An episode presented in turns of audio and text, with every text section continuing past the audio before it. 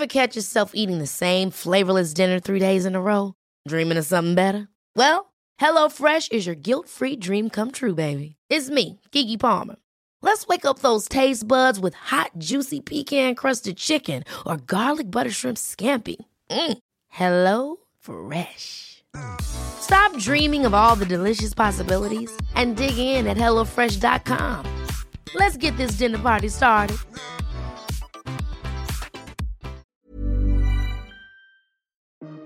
Som dedikert yogi, eller yogautøver hvis man kan kalle det det, siden jeg praktiserer ashtanga-yoga fem til seks ganger i uka, så er jeg veldig opptatt av mat, kosthold, helse, både mentalt og fysisk, og hvordan jeg kan ha en mest mulig funksjonell og frisk kropp.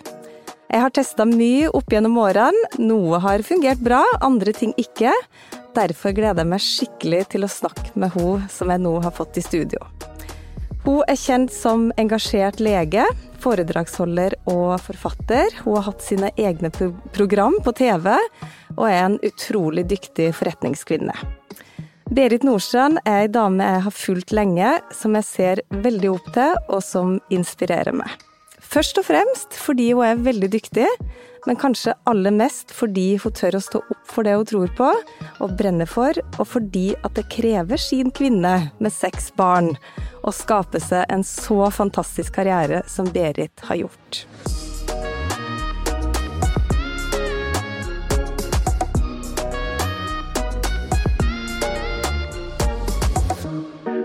Velkommen i studio, Berit. Takk. Hvordan er livet akkurat nå? Uh, ja, akkurat nå så er kanskje livet litt rart for mange. For ja. at uh, vi akkurat har kommet ut av covid, og uh, mye har endra seg. Og rundt meg så har jo veldig mye endra seg, for underveis i covid så ble jeg skilt og flytta for meg sjøl og måtte etablere meg på nytt og etablere nytt studio. altså, det har vært Veldig innholdsrikt. jeg liker jo å, å, ha mange baller i lufta, men, men nå, altså nå, er jeg i ferd med å lande da, i min nye tilværelse, som er veldig sånn uh, uvant, da. Ja. For jeg er jo ikke vant med å være alene. Så det er kjemperart, da. Ja. Så ja. Men uh, ja, så uh, er jeg jo kjempeengasjert i forhold til å ut på veien, treffe uh, fantastiske publikum uh, på scenen igjen, mm. spre kunnskap som kan hjelpe enda mange flere til å få det så bra som det går an å ha det. Mm. Det er jo det som er min misjon som lege. Mm. Og der føler jeg at jeg har jeg har jo vridd mye av eh, virksomheten over på nett nå i covid, da. Ja. Og jobba hardt hjemmefra for å kunne nå ut nesten like bra. Mm. Uh, så mm, etablert nettkurs og Klubb Nordstrand, som det kalles, og figurerer mer på nett nå da enn før covid, så det er kanskje en positiv forandring, da. Men hvordan har det vært å gjøre en Altså, en ting er jo det private som du snakker om, men hvordan har det vært å måtte omstille seg på den uh, måten? Hvordan er det å jobbe liksom mer ensomt hjemmefra? Uh, ja, stikkordet er litt ensomt, ja. ja. Snakker litt av erfaring sjøl, altså. ja, for jeg liker å treffe folk, da. Veldig mm. glad i folk, og veldig glad i å hjelpe folk, og se folk i øynene, og gi bort en klem, og få en klem, og mm. Så uh, ja. Det har vært uh, ikke noe arbeidsmiljø, bare meg sjøl. Du mm. står opp i eget hus, jobber hjemmefra, kikker inn i kamera eh, og, la, og, ser for deg den hyggelige personen som er på andre sida, og prøver så godt du kan å være inspirerende alene på eget kjøkken, da. Ja. og jeg trives med det òg, men jeg vil ha begge deler. Mm. Ja. Så, jeg, men jeg tenker jo, som jeg sa i sted, at det er en positiv forandring at du får mer av virksomheten over på nett. Mm. For jeg har jo tenkt på alle dem som bor i grisgrendte strøk, mm. eh, som aldri kommer seg på foredrag av ulike eh, årsaker, eh, som jeg også har lyst til å hjelpe. Mm. Så når jeg er mer over på nett, så kan jeg jo hjelpe alle som har lyst på hjelp, da. Mm. Mm. Men jeg kommer litt tilbake til det òg, men, men eh, det, fordi nå har du jo masse kurs, som du sier, online. Mm. og det er mange som er med på det her, men hvordan klarer du å følge opp alt? Altså, for jeg antar at alle vil ha en liten del av det, og gjerne litt sånn personlig, da.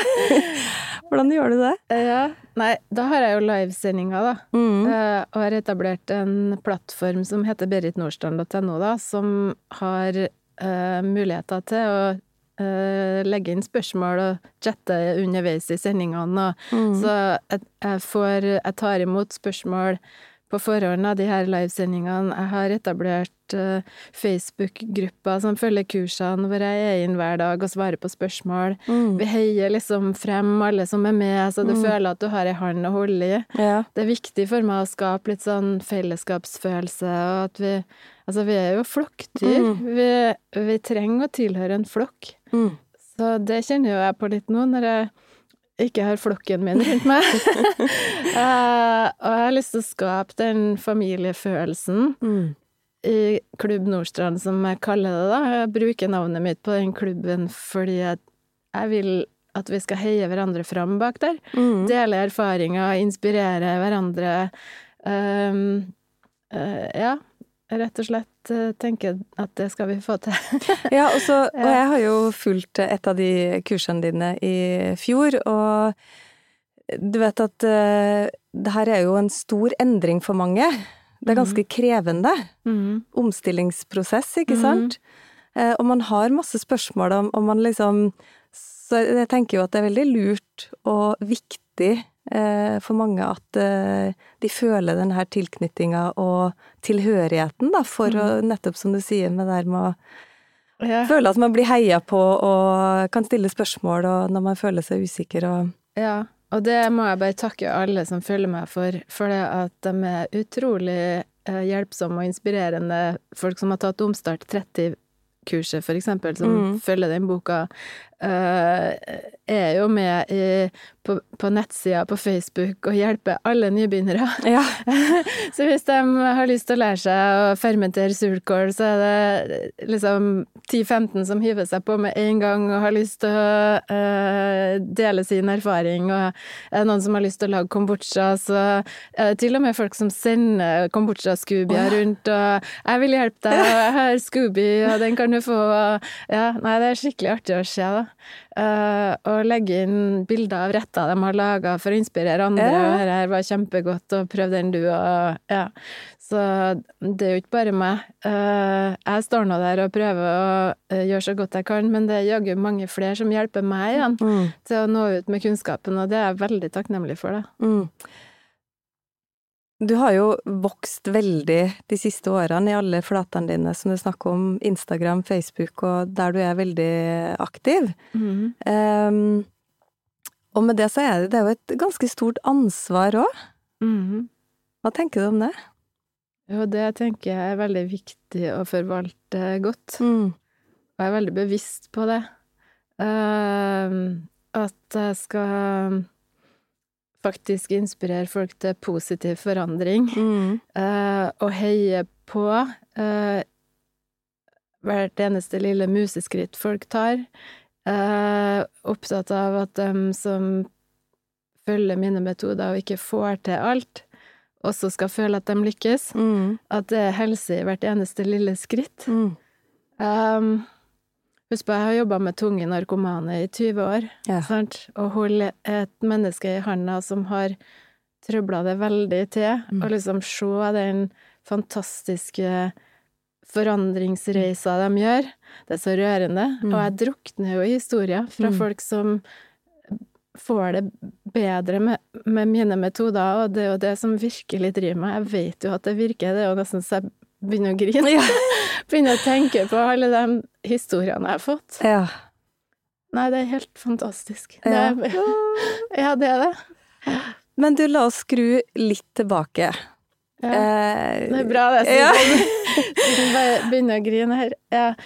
Ehm, fordi vi kjenner det jo veldig godt for det, eller i hvert fall jeg gjør det, da. Ja. For det der du er i dag. Mm. Men kan du si litt om bakgrunnen din og liksom den reisa? For du sier jo at du har jobba med tunge rusmisbrukere mm. i 20 år, ikke sant? Eh, Ja. 25 år, faktisk. Ja. eh, Jeg, jeg skal ta en lang historie kort, da, kanskje. Ja. det er en veldig lang historie, det der. Um, så du kan jo bare hoppe av og stille spørsmål underveis hvis du mm. hvis vil høre mer om. Uh, nei, for at jeg uh, begynte å studere medisin rett etter videregående, og var yngst på kullet i Bergen da. Det var ikke så mange som gikk rett inn på medisin, det var mange som hadde tatt opp fag eller uh, studert noe annet imellom, og, og, så så jeg ut som jeg var 13 år da. Du ser jo nesten ut som du er 17 i dag også.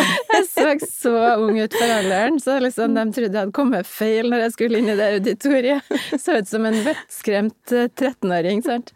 Um, og så, um, ja, så studerte medisin i Bergen, ja, og så tok jeg andreavdeling, eller klinikken i Trondheim. Og så begynte jeg å jobbe i allmennpraksis, uh, men fikk jo min sønn på kirurgieksamen, så da hadde jeg jo nyfødt og uh, Og fikk jo Altså, jeg fikk jo fem barn på sju år, så underveis så, så var jeg gravid eller amma hele tida. Mm. De første sju årene. Og da underveis der så tok jeg spesialisering i klinisk farmakologi og toksikologi. Mm.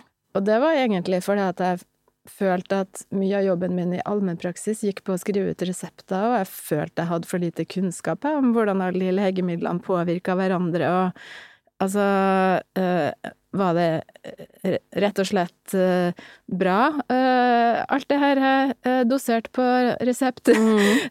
så jeg følte behov for å lære mer om farmakologi, da, som er læren om legemidlene. Ja, ok. Og så må jeg jo innrømme at det passa veldig godt inn i en livssituasjon med eh, småbarn, mm. og ikke ha vakt på natta og på helg. Ja. Så det var en ordna familiesituasjon i tillegg, eller en arbeidssituasjon. Ja. Så jeg hadde egentlig bare tenkt å jobbe der kanskje et par år, da, for å lære meg litt mer. Men så, så var det Bordet fanger litt, da. Alt jeg tar i, blir jo interessant. Altså, dess mer du leser om ting, dess mer interessert blir du. Mm.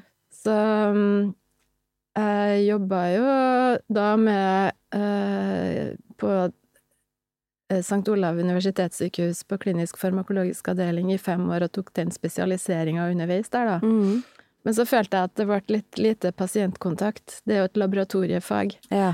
Med mye uringlass og blodprøver, og egentlig lite folk, da. Mm. Jeg vil jo hjelpe folk. Så har jeg alltid interessert meg for uh, rusmidler og, og um, den her uh, Hvorfor blir noen hekta på narkotika? Ja. Hvorfor er det noen som kan prøve det og bli kvitt det altså så lett som bare det? Mm. Og har veldig egentlig behov for å hjelpe dem som har trøbla det mest til i livet sitt. Mm. Så når det ble ledig stilling Eh, på det som den gangen het Metadonsenteret, da, eller Metadonprosjektet. Mm. Så søkte jeg den overlegestillingen og fikk den, da. Og da øh, jobba jeg parallelt også med å etablere rusmedisin som egen spesialitet, for det var jo så stemoderlig, det faget. Mm. Det var jo leger som kom og gikk, og bare ble et kvarter i behandling, og ikke engasjerte seg nok for den pasientgruppa som trenger øh, ekstra oppfølging over tid, og mm.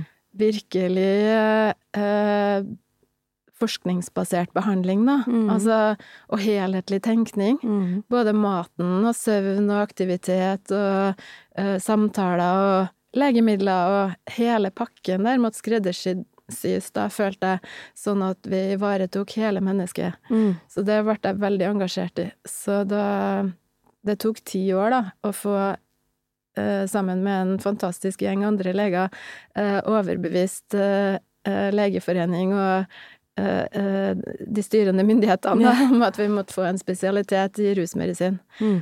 Og da ble jeg jo etter hvert spesialist i rusmedisin, så jeg er også spesialist i rusavhengighetsmedisin, og og så har jeg bakgrunn som kognitiv terapeut. Det er jo en del av en psykologi En terapidel innenfor psykologien som går på å motivere folk til forandring, mm. egentlig uansett hvilken forandring du ønsker deg. Mm. Um, så det er liksom min bakgrunn, da. Og så har jeg jo hele tida praktisert mat som medisin i klinikken. Ja. For det har jeg brent for helt siden Petter ble født.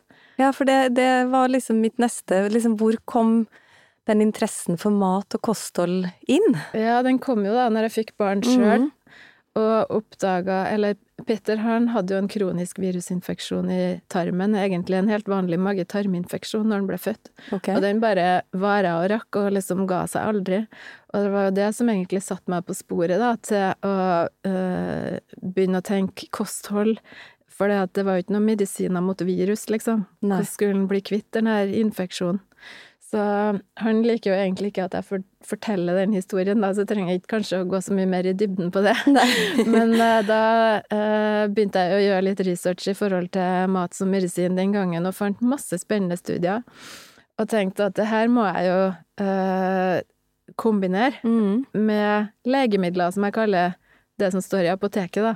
Medisin er maten, Mm. og legemidlene, dem får du kjøpe på apoteket og på nett. Det, Mm. liksom, jeg liker at vi bruker to forskjellige begrep der. Mm. For som Hippokrates sa, er maten som medisin. Maten er din medisin, og medisinen er din mat. Altså, du Hvis vi kombinerer det med konvensjonell medisinsk behandling, at vi virkelig får én pluss én til å bli tre, da. Mm. Altså, vi, vi har så mye livsstilsrelatert sykdom rundt oss. Ja, Vi har så mye autoimmune lidelser som folk rammes av. Den ene og den andre og den tredje på ett og samme menneske. Mm. Og det her eh, kan vi altså veldig mye bedre behandle med en helhetlig tilnærming. Legemidlene tar jo ikke bort årsaken til sykdom, de demper jo symptomer. Så hvis vi i større grad kan tenke helhetlig, eh, så kan vi også komme til bunns i årsaken til sykdommene, og kanskje ikke bare lindre helseplager og Nei. symptomer, men faktisk gjøre folk helt friske, da. Ja. Husk på, alt som kalles livsstilsrelatert, skyldes jo livsstil. Mm. Og jeg tenker jo ikke at folk er skyld i det sjøl, det er jo ikke sånn. Nei. Men da må en hjelpe folk til å få til en positiv forandring i livsstilen, da. Mm. Sånn gradvis. Som gjør at en kan liksom snu, eller skru tida tilbake til Ja, det- det før han- symptomene brøt ut, da. For det er jo en grunn, det er jo en grunn for eksempel til at en ungdom får en eh, leddgikt etter en salmonellainfeksjon. Mm. det, den leddgikta kommer jo på grunn av en salmonellainfeksjon, og da går det faktisk an å tilnærme seg med en helhetlig tilnærming, med kosthold i kombinasjon med legemiddel, og få langt bedre resultat Mm. enn hvis du bare bruker legemiddel, da. Mm. Altså, veldig mange opplever jo det som eh, litt eh, kontroversiell. Og, når du nå snakker om den her helhetlige tenkninga, så er det vel det mange eh, kanskje er uenig. Jeg, jeg, jeg, vet ikke liksom Jeg har ikke satt meg inn i alt hva folk er uenig i, men jeg opplever i hvert fall at du innimellom må stå i ganske mye kritikk for det du har lyst til å si og mene. Ja, det Hva kan hende du opplever det? Jeg opplever ikke Nei. at jeg står i mye kritikk, jeg. Nei? Jeg opplever at såpass må det være. Ja. Ja. For det at jeg tør å stikke frem nesa mi Mm. og stille meg på en pidestall. Mm. uh, og dele min erfaring på hva jeg erfarer virker. Mm. Og jeg, jeg kan ikke la være. Jeg er nødt til å dele de gode historiene. Mm. Det er kunnskapsbasert, det jeg driver på med, enten det er erfaringsbasert eller forskningsbasert. Mm. Eh, og når folk blir friske, det er rørende uh, endringer som skjer, Mm. så må jeg fortelle om det, sånn at uh, flere som kan nyttiggjøre seg de erfaringene. Ja. Uh, og ja, innimellom så har det dukka opp kritikk, men det må du kunne tåle, ellers så er du jo helt tannløs, tenker jeg. Jeg tenker jo det. Ja, ja. Altså, Nei, jeg, jeg, Det er jo noen som blir sint når jeg sier at det er kanskje ikke så lurt å drikke kumelk på kartong som er pasteurisert på litersvis. mm. Da er det noen som blir sint. Mm. Um, men jeg, jo- jeg er jo ikke imot kumelk. Nei. Men jeg tenker jo at det for veldig mange ømtålige tarmer er eh, lettere å tolerere yoghurt og ost, som har med seg gode bakterier. Mm. Og da må jeg jo si det. Eh, Det er jo kumelk, det òg. Ja. ja, så jeg blir Jeg opplever jo eh, ofte i en sånn slags en, Den typen eh, sammenhenger hvor jeg kanskje får kritikk, da, at eh, jeg blir fremstilt veldig sort-hvitt, da. Ja. Eh, og at det, det kommer ei overskrift i avis og, som er noe helt annet enn det jeg har sagt. Mm. Altså eh, For eksempel skal jeg ha sagt at vi skal erstatte sukker med honning. Mm. Nei, jeg mener jo ikke det. For det at vi spiser jo altfor mye sukker, og vi har jo ikke hatt honning nok. Nei. Nei, jeg mener jo at ja, vi må få bort det her raffinerte hvitesukkeret. Mm. Og, og ja, honning er bra for tarmfloraen, men de vil ikke ha så mye honning som vi spiser sukker i dag. Nei. Uh, og honning og sukker er to helt forskjellige produkt. Litt honning kan jo styrke tarmfloraen, mens sukker faktisk svekker tarmfloraen. Uh, og så er jeg jo avhengighetsmedisiner, så jeg har jo også fokus på at litt sukker, det er vanskelig å forholde seg til. Fordi at noen er eh, sukkeravhengig og får et søtsug av sukker, Mhm. sånn at det er ikke så lett å forholde seg til litt. Nei, jeg kjenner til det. For Ja. å si det sånn. Så da er min erfaring at det er veldig mye lettere for folk Mm. å bytte ut sukkerskåla med ei honningkrukke Mm. enn å skulle ta litt sukker, eller litt mindre sukker. Ja. Um, og da lager jeg det rådet, ikke sant? Eh, som jeg tenker er praktisk mulig å følge. Ja. Uh, og dosere honningen da som to teskjeer per dag. Og da tenker jeg ok uh, Og det er jo sånn med mine metoder, jeg lager dem sånn at det skal være enkelt for folk å følge i en hektisk hverdag. Mm. Så når jeg filma Bra godt TV-serien med Klaus, da, så Uh, eh, tenkte jo han at to teskjeer med honning, det er jo altfor lite. Ja. Og så spør jeg, men hvor, skal, hvor, vil du, hvor vil du ha det søte, da? Nei, jeg vil ha sukker på havregrøten. Ja, men da får du ei teskje der, da. Ja. Og så hadde vi på eh, honning på havregrøten, da. Og så jeg, hvor skal du ha den andre teskjea, da? Eh, nei, det ble han litt usikker på, faktisk. Ja. Så oppdaga han at han Ja, det var kanskje ikke nødvendig med mer enn ei teskje. ja. Kanskje to, liksom. Og så gir jeg praktiske råd om at eh, Ok, for jeg er jo nerd, så jeg leser jo forskning hver eneste dag. Hver eneste dag, to timer minst, uh, leser jeg forskning. Uh, og jeg vil jo finne ut, ok, uh, hvilke temperaturer tåler de her gode bakteriene i maten, hvor mye må hvordan skal vi steike grønnsaker for å ivareta alle antioksidantene? Hvor mye, hvor høy temperatur tåler olivenoljen? Hvordan kan du kombinere ulike matvarer for å øke opptaket i tarmen? Mm. Hva er egentlig bra mat for tarmfloraen? For hvis vi ikke ivaretar tarmfloraen, så ivaretar vi ikke helsa. Mm. Altså, mat handler ikke om kalorier inn og kalorier ut. Mat handler om å styrke tarmfloraen, for tarmfloraen holder oss friske. ja. Det er det mat handler om. Først og fremst skal det smake godt, sjølsagt. Ja, ja. Men ehm, det har vært en misforståelse i, flere generasjoner på at hvis du bare springer langt nok, så kan du ete den softisen. Mm. Den softisen lager kaos i tarmen sjøl om du springer. Mm. For du fôrer de feile tarmbakteriene med den softisen, og da er det de feile tarmbakteriene som er med på den joggeturen, Ja. og de er med hjem igjen.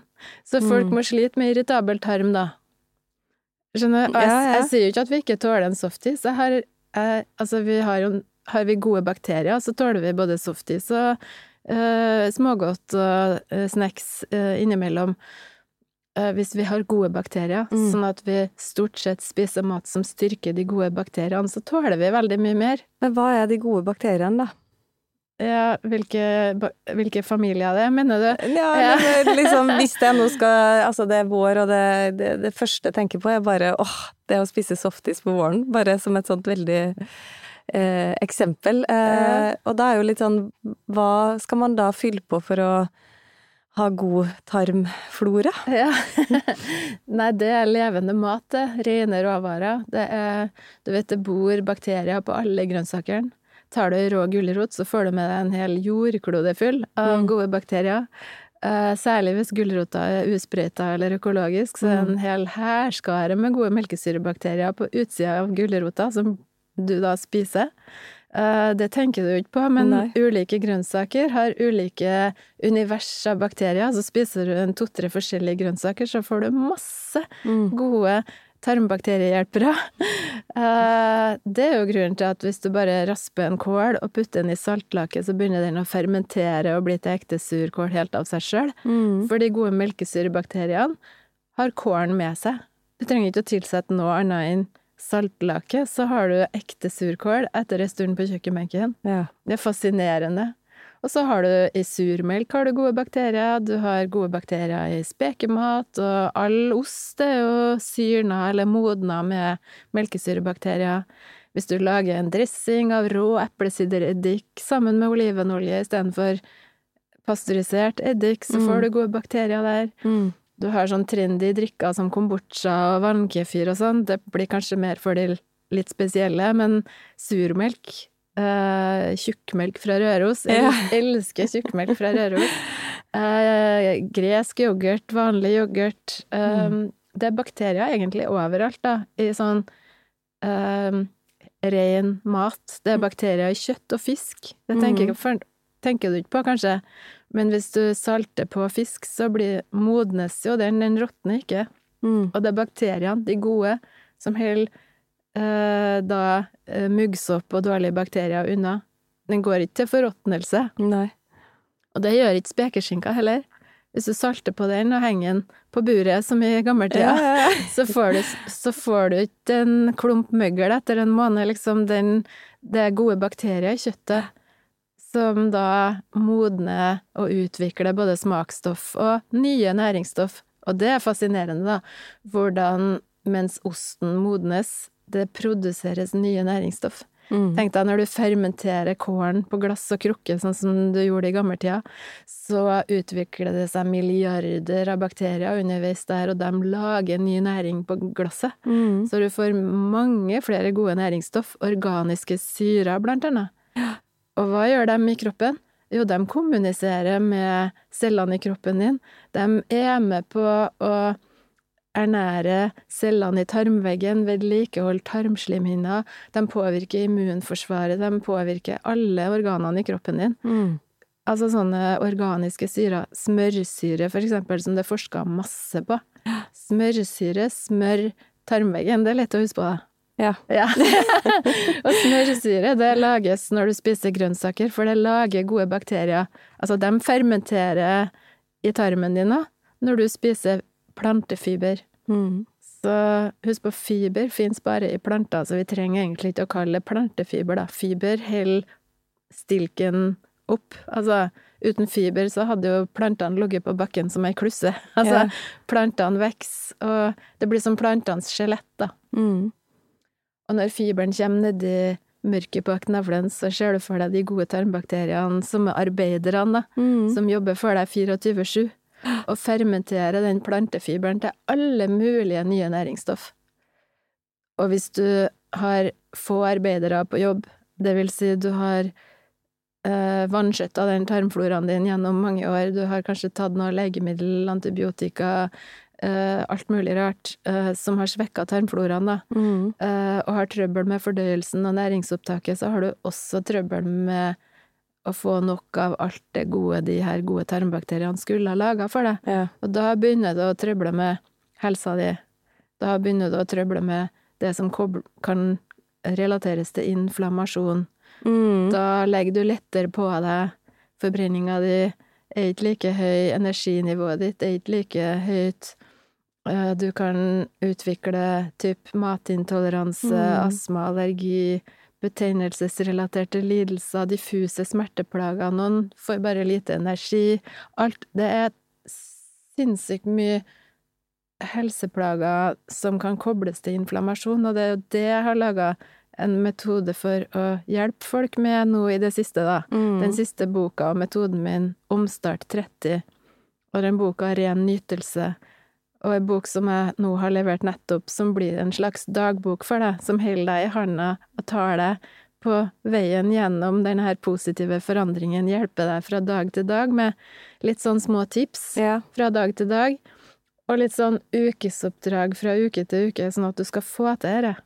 Ja, øh, øh, og det her er jo en av de tingene som jeg hadde veldig lyst til å snakke med deg om, fordi jeg har jo sjøl opplevd å ha eh, veldig mye betennelse i kroppen. Mm. Eh, og var over lang tid plaga med litt sånn som du sier, litt diffuse vondter, som jeg Mhm. ikke ordentlig skjønte hvor kom fra. Og jeg inni mitt hode tenker jo at jeg spiser sunt og riktig, og, og liksom Og jeg gjør jo så mye yoga, og følte liksom Og kom jo til slutt frem til Altså, jeg, ble jo så frustrert til slutt. Um, og fikk da et tips, det her er noen år siden, om å kutte ut gluten. Mm. Og jeg gjorde jo da bare én stor endring i kostholdet mitt, uh, og mhm. fikk aldri påvist at jeg var glutenintolerant, eller at jeg hadde cøliaki eller noe sånt, men at jeg bestemte meg for å ok, det her er det siste liksom prøve, fordi jeg følte mm. at jeg hadde prøvd alt annet. Mm. Og merka jo en helt enorm stor forskjell. I starten så visste jeg jo ikke engang hva, hva, hvor gluten var hen, så jeg gikk jo på smell etter smell, jeg. Men etter hvert, da når jeg klarte å liksom rense opp i kostholdet mitt og, og var helt, helt uten gluten, mm. så merka jeg jo at kroppen endra seg totalt. Mm. Og det satte jo i gang en sånn tankeprosess hos meg, da, som, eh, som jeg syns er så spennende å, å, å høre mer om, i forhold til hva vi kan gjøre for å unngå disse her eh, kroppslige plagene, fordi det holdt jo på å gå til hodet på meg, i hvert fall. Ja, og det gjør jo eh, bokstavelig talt det, fordi at eh, kaos i tarmen setter seg i hodet. Ja. Tarm, tarmen kommuniserer med hjernen. Ja, den kalles vel the second brain. Ja. Altså, ja. ja. Husk på tarmbakteriene, de kommuniserer med hjernen og spiller en egen enten god eller dårlig. Mm. så uh, du kan faktisk få angst av et kaos i tarmen. Du kan få utløst en følelsesmessig avflatning, en veldig ubehagelig, uforståelig depresjon, mm.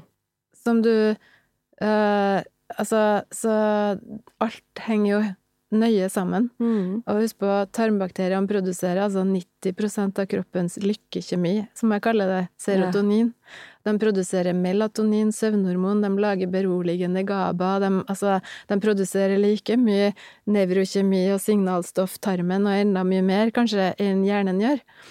Så tarmen setter dagsformen, egentlig. Ja. Uh, mer enn hva hjernen gjør. Så hjernen er liksom andrefiolin, egentlig.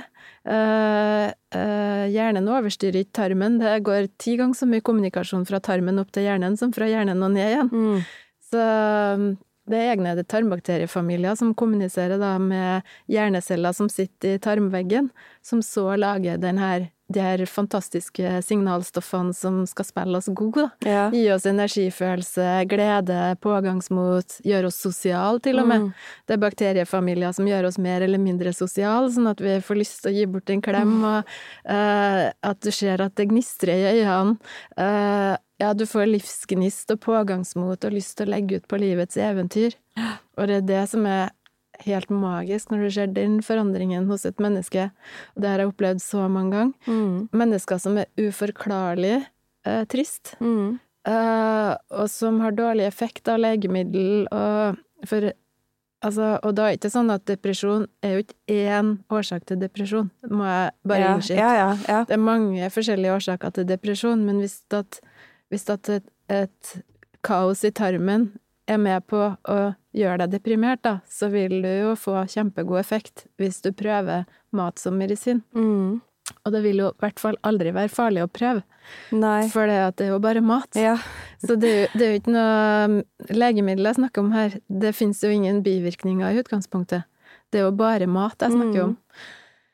Apropos det å bli sint for ting jeg sier, ja. så det er noen ganger litt uforståelig for meg hvor mye harme det kan utløse, da, å komme med et godt matråd, for det er faktisk bare mat. Ja. Men det er nå så. Annonsør for ukas episode er girlofnorth.no. Girlofnorth.no er et inspirerende livsstilsunivers for oss damer, for her finner du kjente merkevarer og unike perler som du kan få rett hjem i postkassa di. Hvor deilig er det ikke at noen har gjort jobben med å håndplukke varer du kan føle deg både komfortabel og velkledd i til enhver anledning. Som en bonus så byr shoppingopplevelsen hos de på noe ekstra med påfyll og inspirasjon om både reise, interiør og livsstil. Og nå ligger det blant annet en rykende fersk artikkel ut om fantastiske Biarritz. Det får meg til å ønske å reise med en gang. Det her er en av mine favorittsider å shoppe på, og noen av produktene som jeg kan trekke frem, er de deilige, luksuriøse produktene fra Molten Brown. Lexington sine tykke, gode luksushåndklær og herlige, freshe vårputer. Jeg digger også de her dødskule, fargerike veskene og genserne for Gestus, fordi at det er vår, og vi trenger farger i livet. Jeg er så heldig å få gi dere en rabattkode, så hvis du bruker koden Vibeke20, så får du 20% rabatt på alle ordinære varer, men også på salgsvarer, så her kan du virkelig gjøre et kupp. Koden den varer i en uke fra denne episoden ble lansert, og du, trenger du innspo, så følg gjerne girlofnorth.no på Insta. Altså, jeg følger opp toppidrettsutøvere et knippe. Mm. De vil jo være optimalt fungerende. Mm. De vil jo gå fortest mulig på ski. Mm. Og hvis du skal bli optimalt fungerende, da må du dempe inflammasjon. Ja. Altså, da må du ha fokus på uh, mat som det aller beste drivstoffet når maskineriet skal utsettes for så sinnssykt stor treningsmengde. Mm. Du må ha fokus på optimal restitusjon, nok søvn, eh, avstressing, Mm. avspenning. Ja, meditasjon, yoga. Mm. Altså Husk på maten virker ikke alene.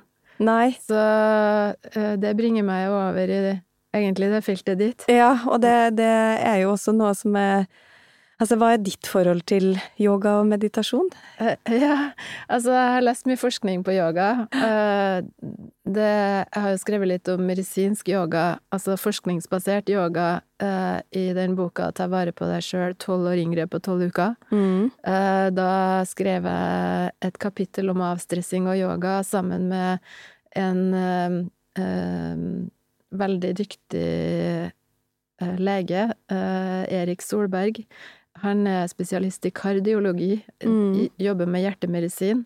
Eh, fantastisk eh, bra foredragsholder og reiser verden rundt og snakker om hvor viktig det er å stresse ned og praktisere eh, ja, enkle yogaøvelser. Mm. Eh, Det verktøyet har du jo med deg overalt. Mm. Og han, eh, det finnes så mye forskning som viser at yoga og de pusteøvelsene og den måten å aktivt avspenne på, senke kortisolnivået i kroppen og påvirke blodtrykk og puls og kjemien i hjernen, og det skjer så stor forandring bare med det. Mm. Ehm, så det fascinerer meg. Jeg er jo kognitiv terapeut sjøl, og det fascinerer meg hvordan du egentlig Du velger jo dine egne tanker. Du velger hvilken tanke du vil beholde. Mm. Hvis mye er trøblete i livet ditt, så ja eh, Så kan du beholde fokus på det, eller du kan slippe det fokuset og velge deg en annen tanke. Mm. Det er plass til bare én tanke i hodet samtidig. Og hvis du er ekstremt utsatt for eh, stress i psykisk stress da, og har en fryktelig vanskelig livssituasjon, så er bare det å være til stede i pusten Ja. eh, vil kunne ta bort den fæle kloa i magen og den angsten og frykten og det du kjenner så gærent på. Mm. Og jeg har jo brukt sånne øvelser nå etter at jeg har blitt alene. Mm. Og kjenner god nytte av det. Eh, Jeg prøver å være med på yoga på eh, onsdagene eh, med gruppe. Jeg er jo litt på farten, så det blir jo ikke hver onsdag jeg får til det, men jeg, jeg har en ambisjon om det. Jeg bruker pusteteknikker sjøl når jeg legger meg om kvelden, Mm. Og har fokus på å senke skuldrene og liksom lukke øynene og være takknemlig for noe. Jeg, jeg prøver å finne meg en glad tanke fra i dag, noe jeg kan være takknemlig for. Uh, sånn at jeg sovner med et smil om munnen. uh, trekker pusten djupt så magen hever seg. Altså, altså, jeg beskriver også det i mine metoder, bøker. Uh, litt sånn enkle øvelser, da. Det, jeg kaller jo ikke yoga det, Nei, nei. men det er jo en del av den filosofien, liksom, det å, å ja, ha fokus på pusteteknikker og eh, styre fokus til de ulike kroppsdelene, kjenne på hvordan høyre fot ligger tungt på underlaget, venstre fot tungt på underlaget, altså du, du styrer oppmerksomheten din til akkurat bare her og nå. Mm. Jeg snakker jo også om sanseturer. Mm. Det er også et verktøy som er utvikla for mine pasienter, for å flytte fokus, da, Mm. fra noe som var fryktelig vanskelig og skummelt, til noe som er fint Mm.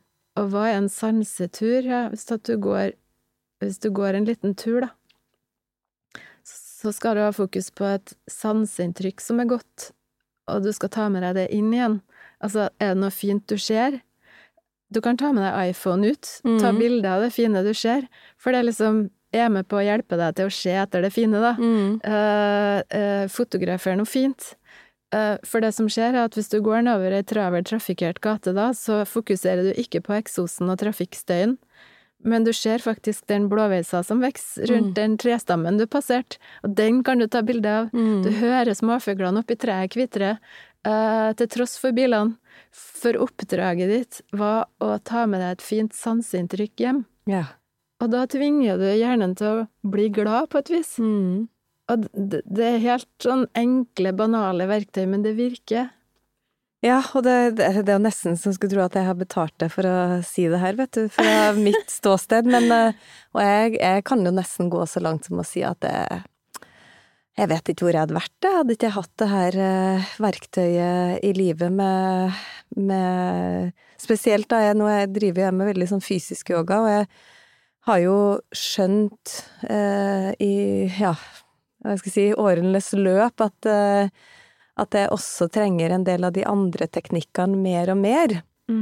Eh, og nei, jeg, det har bare så utrolig stor nytte av det. Og så er jo det å prøve å overbevise folk om at eh, det her er så bra for deg, ikke sant? Og, og ehm, ja, nei, jeg, som jeg sier, jeg vet ikke hvor jeg hadde vært. Det hadde ikke jeg hatt de uh, verktøyene. Og så er det jo det, det, det er jo så enkelt, og det er jo litt sånn som du forklarer nå, så er det jo Altså, det er ikke så mye som kreves, da, men det er Og jeg jobber fremdeles ganske mye med å liksom snu hodet mitt. Jeg har veldig tendens til å tenke kjipe tanker og vonde tanker, og Så jeg jobber jo daglig med det, og har eh, ting jeg enten hører på eller eh, ting fokus for å, for å snu det, da. Så, og det er selv etter eh, 20 år på yogamatta.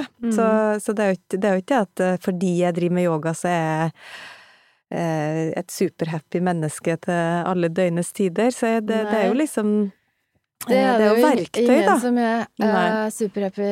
Sjøl så har jeg jo opplevd litt uro det siste året, Mm. og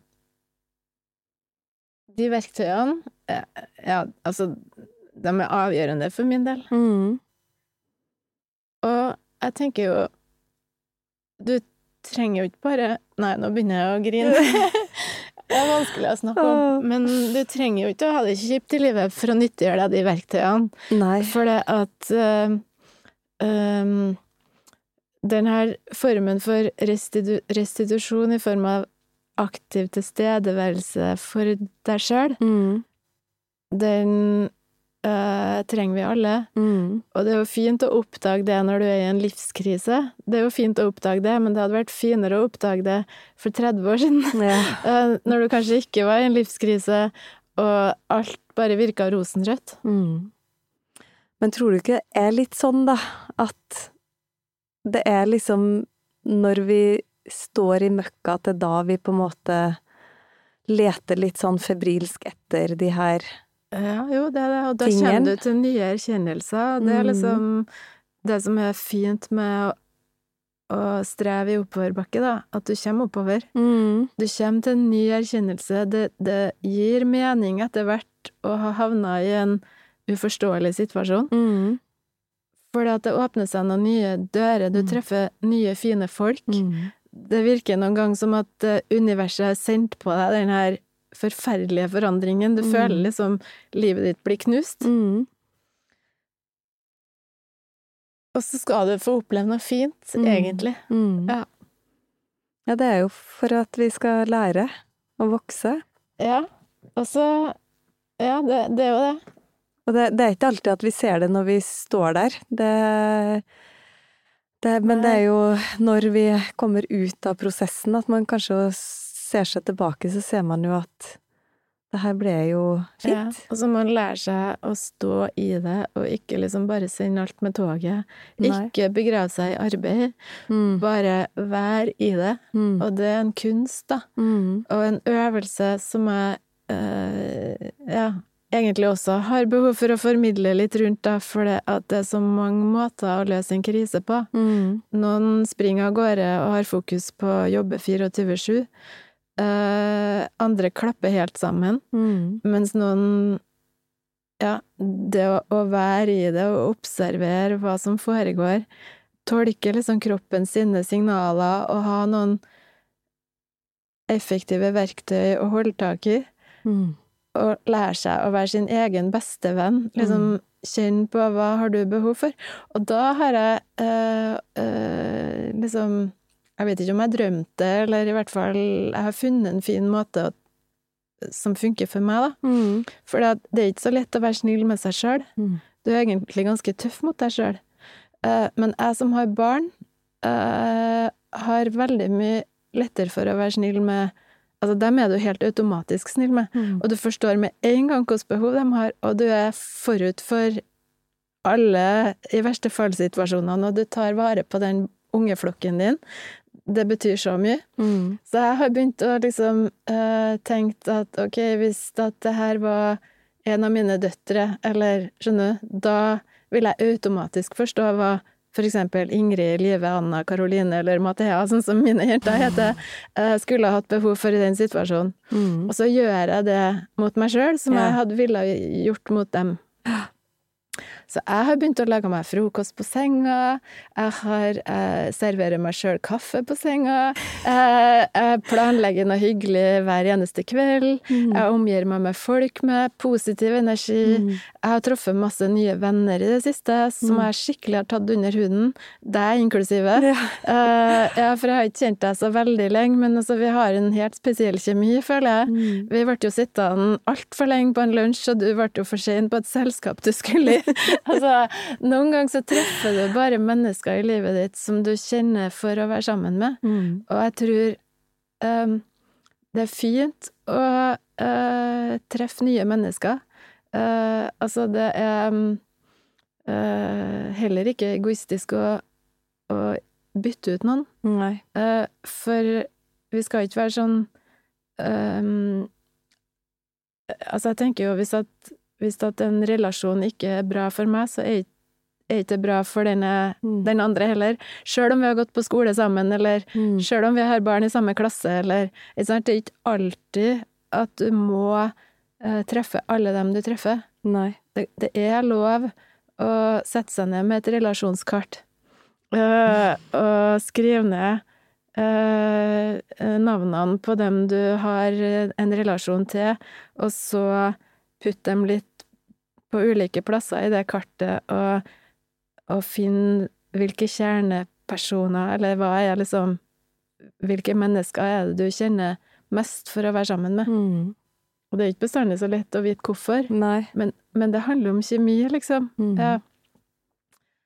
Ehm, Vi har prata oss helt ut ja, ja, men eh, vi har jo vært innom veldig mange av de temaene eh, som eh, Jo, det, det er en ting som er som, i hvert fall som, som yogi, da, som Og det er jo at veldig mange som driver med yoga, yoga velger å bli veganere. Ja. Og jeg, av og til så har jeg jo følt at å, det må jeg være òg. Fordi at det er jo liksom riktig. Og, og, og jeg er jo oppvokst eh, med en pappa som var fjelloppsynsmann, så jeg ble jo servert eh, vilt nesten til hverdags. Eh, I dag har jeg jo skjønt hvor lukrativt det var, da. Men ja. så vet at i, i, i min natur så er jo det å spise kjøtt Så lenge du spiser riktig kjøtt, da. Mm. Eh, men, men hvorfor tror du så mange velger et vegansk kosthold? Ja, det er jo en trend, da, må jeg jo Mm. si. Uh, og en bra trend på ett vis, fordi vi trenger jo å spise mer plantebasert. Mm. Uh, for at vi skal kunne mette verden sånn som vi produserer mat i dag, i hvert fall. da. Mm. Det går jo an å tenke annerledes rundt kjøttproduksjon òg, som gjør at den blir mer bærekraftig, men det er jo et annet tema, da. Sånn som vi produserer mat i dag, så er det fint om vi kan høste mer fra havet, mer alger fra havet, og, mer, og dyrke mer grønnsaker som blir direkte menneskefôr, da. Mm. Og det er jo flott at da noen velger å spise eh, plantebasert. Eh, men eh, helt plantebasert er det jo ikke nødvendig å være Altså, det har ikke noe med sunnhet å gjøre, egentlig, da, sånn sett. For um, som du sa, vi kan spise bærekraftig og sunt med å spise litt kjøtt. Vi spiser kjøtt som er bærekraftig produsert. Mm. Uh, for eksempel norsk lam Mm. er jo beitedyr. Uh, og uten beitedyr, hva gjør vi med krattskogen? Mm. Altså, vi, altså i den grad dyrene bidrar som uh, arbeidskraft, så er det jo bærekraftig. Mm. Så masse grønnsaker og litt kjøtt. Mm. Og fisk og Altså, jeg er jo fleksitarianer sjøl, da. Men jeg tenker når det gjelder kosthold, så er det mange veier til rom. Ja. Er du veganer, så stilles det ekstra eh, krav til deg for å sette deg inn i kunnskapen, da, så Mm. du ikke får noen mangelsykdommer. Det går Mm. fint an å være sunn Ja. veganer, men det er fort gjort å bli en usunn veganer òg, da. Mm. For sukker og hvetemel er jo vegansk, Mm. og det er veldig mye veganske ferdigprodukter i butikken som ikke er bra. Mm. Og så er det mange som er bra òg, men det er en jungel ut der som man må sette seg nøye inn i, da. Ja. For får han nok protein, får han nok B12, får han nok jod, Mm. eh, når han ikke spiser sjø sjømat og ikke drikker kumelk og, eller spiser yoghurt Mm. og ost, så det krever sin mann å sikre et sunt kosthold da, som veganer. Ja, fordi Så, Fordi det jeg alltid har tenkt, og jeg har jo i perioder både vært veganer og vegetarianer og, Ja. og, eh, og, og så kan du jo selvfølgelig si at det er veldig mange som velger å ikke spise dyr, da, av andre ja, det blir av andre årsaker. ja, andre årsaker, men, Mm. men um, og, så, og så blir man jo sånn, ja, men fungerer kroppen da enda bedre, sånn i forhold til min yogapraksis, ikke sant? Så som jeg sier, jeg har jo testa mye og Ja. prøvd, fordi man vil jo så gjerne at man skal fungere så optimalt som mulig, da. Og da har jo det vært en tanke, liksom, hvis jeg kutter ut det og det og det og det, mm. blir kroppen Det jeg selv har opplevd, det er jo at jeg ikke har nok kunnskap om det, eller har, har hatt, da. ja. At jeg har følt at jeg har mangla ting. Jeg tenker jo at det enkleste for folk er å være altetende. Mm. At det er lettest å sikre seg alle næringsstoffene når du er altetende, Mm. og lage det aller meste fra bunnen. Ja. Eh, Det er det enkleste. Det tenker jeg eh, det tryggeste Mm. for alle. Og så er det noen som kan bli superspesialister og leve sunt vegansk. Eh, og det trenger ikke å gi noe bedre resultat hvis du Det handler bare om at du Egentlig handler, handler det om at du beriker tarmbakteriemangfoldet Mm. ditt, sikrer deg nok næring og godt næringsopptak. Ja. Så, så er det mange forskjellige måter du kan eh, nå til rom på, Mm. ikke sant? Men det, ja, og så har vi jo Vi er jo forskjellige i kroppen nå, tenkte jeg å si. Hva ja, vi er jo det, men vi er jo ikke rene plantespisere i utgangspunktet, tenker jeg, da. Ja. Og vi er heller ikke rene kjøttetere, som Mm. løver. Vi er ikke verken elefant og plantespiser eller løve og kjøtteter. Vi Mm. er eh, omnivår, altså begge deler. Mm. Eh, så vi, eh, vi trenger eh, Vi har Jeg tenker vi har godt av litt øh, kjøtt. Mm. Uh, men jeg er opptatt av bærekraft, og at dyrene har levd et bra liv. Mm. Uh, og syns jo det er sykt kult å besøke gårder som eh, dyrker etter økologisk og sirkulært eh, jordbruk. Det, der dyrene brukes som arbeidskraft. Grisene de trekker jo røttene opp av jorda. Hønene de eh, drar jo kumøkka utover. Altså, jeg har vært på en gård og fotografert boka mi 'Tarmens medisin' Mm. til en Tore Jardar eh, Skjønholt, Virgenes Skjønholt, Ja. ja. Og han driver jo sånn sirkulært jordbruk. Utrolig imponerende. Dyrene har et fantastisk liv. Mm. Uh, ut i det fri og jobber på gården. Mm. Uh, og det blir som en sånn uh, billedbok som du hadde når du var lita. Alle dyrene fins på gården. Og du får altså fantastisk gode matprodukter, enten det var grønnsaker eller egg eller kjøtt fra de, denne typen produksjon. Da. Mm. Og det er en myte at vi ikke kan mette alle munnene med å produsere økologisk. Altså verdensrekorden i både ris og bønner og eh, flere produkt er økologisk Mm. produsert. Mm. Så, så det vet vi at det går an, da. Så jeg, jeg slår jo et slag for at det skal lønne seg å dyrke økologisk og sprøyte mindre. Mm. At det kanskje ikke trenger å være så sort-hvitt heller, for Nei. at enten så dyrker du konvensjonelt, og da kan du bruke ganske mye sprøytemidler, eller så er det rent økologisk. Det må være noe imellom der. Mm. Det er flott om en bruker mindre sprøytemiddel, det er flott om en ikke bruker sprøytemiddel, men bruker litt kunstgjødsel. Mm. Altså, nå er det kanskje litt for sort-hvitt. Vi kunne jobba for å redusere bruken av kjemisk-syntetiske sprøytemidler, Mm. og premiert de bøndene som klarer det. Ja. Og øh, prisa maten litt mer i form av Mm. kvalitet og næringsinnhold, ja. og ikke bare i form av antallet kilo, liksom. Mm. Mengde. Mm. Så ja, premiert bønder som dyrker gamle kornsorter, urkorn. Mm. Det er jo mer næringsrikt og bedre for fordøyelsen. Um, ja, det er så mye jeg kunne eh, ønska meg av forandring der. Og så i hvert fall så burde det vært mer lønnsomt for bonden. Altså Mm. hvis jeg bestemmer, så skal bonden sitte igjen med veldig mye mer. Jeg føler jo at For det er jo en fantastisk viktig jobb. Ja, jeg føler jo at du er med på å påvirke mange ting i riktig retning, da. Ja. Sånn som jeg ser det, i hvert fall. Um, men du, vi skal begynne å runde av litt. Jeg, har lyst til å spørre deg om en ting. Hva, hva er du takknemlig for i livet? Altså, hva, hva jeg føler meg så rik på grunn av ungene mine. Ja, altså, det det Seks unger har du Ja, vet faktisk. du, jeg er så heldig. Altså, dem, og de er helt fantastiske. Det, og det er liksom vi, Det er flokken min, da. Mm. Og nå er jo fem av dem voksen, og øh, jeg har en attpåklatt som blir 15 nå. Eh, og altså Det Ja, altså det må jeg bare si at uh, Kanskje er det de opp- og nedturene vi har opplevd sammen gjennom livet som gjør at vi har blitt så sammensveisa. Mm. Men det er altså en flokk med fantastisk herlige, omsorgsfulle, strålende, utadvendte, uh, morsomme og, uh, Ja, unger, voksne, jeg har i, i den flokken min, og jeg er så takknemlig for det. Mm. Og ja, så det tenker jeg på hver kveld når jeg legger meg. Ja. ja. Og uansett hvordan uh, livet ellers går litt i ber Mm. berg-og-dal-bane, så er det ei, en, en sånn stødig, solid bauta i mitt liv, da. Eh, ungene mine. Mm.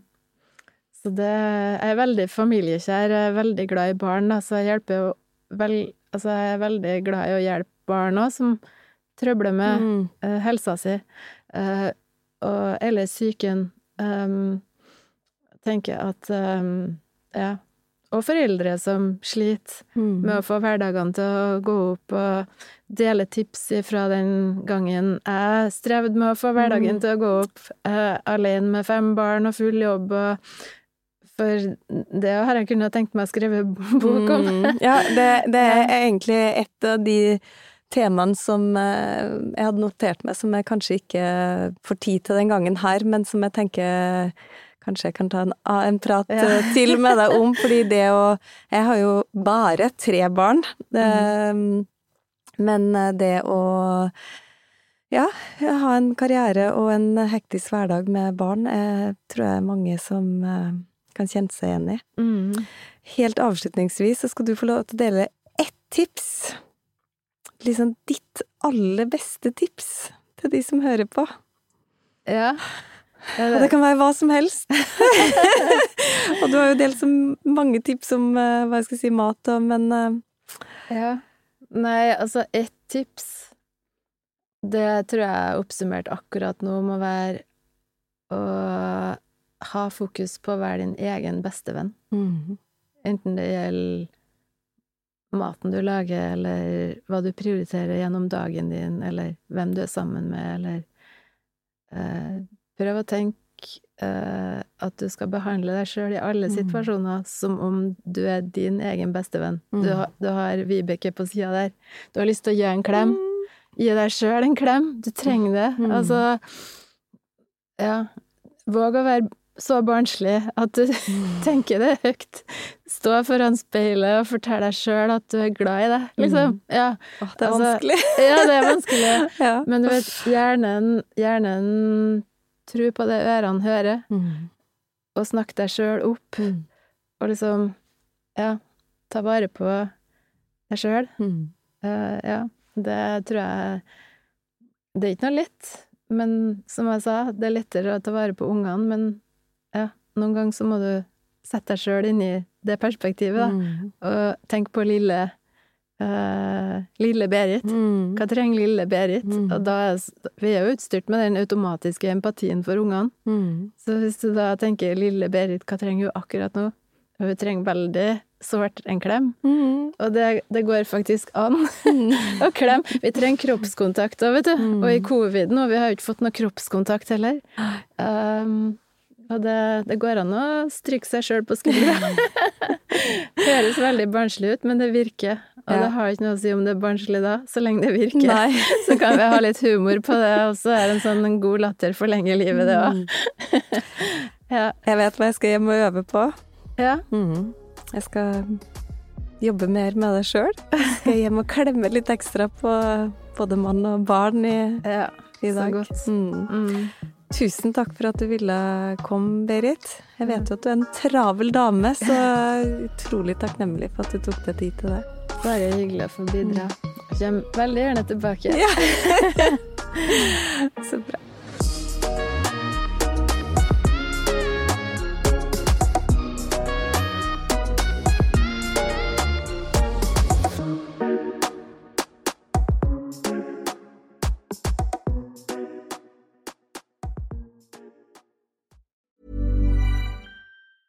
Hey, it's Danny Pellegrino from Everything Iconic. Ready to upgrade your style game without blowing your budget? Check out Quince. They've got all the good stuff shirts and polos, activewear, and fine leather goods, all at 50 to 80% less than other high end brands. And the best part? They're all about safe, ethical, and responsible manufacturing. Get that luxury vibe without the luxury price tag. Hit up quince.com slash upgrade for free shipping and 365 day returns on your next order. That's quince.com slash upgrade.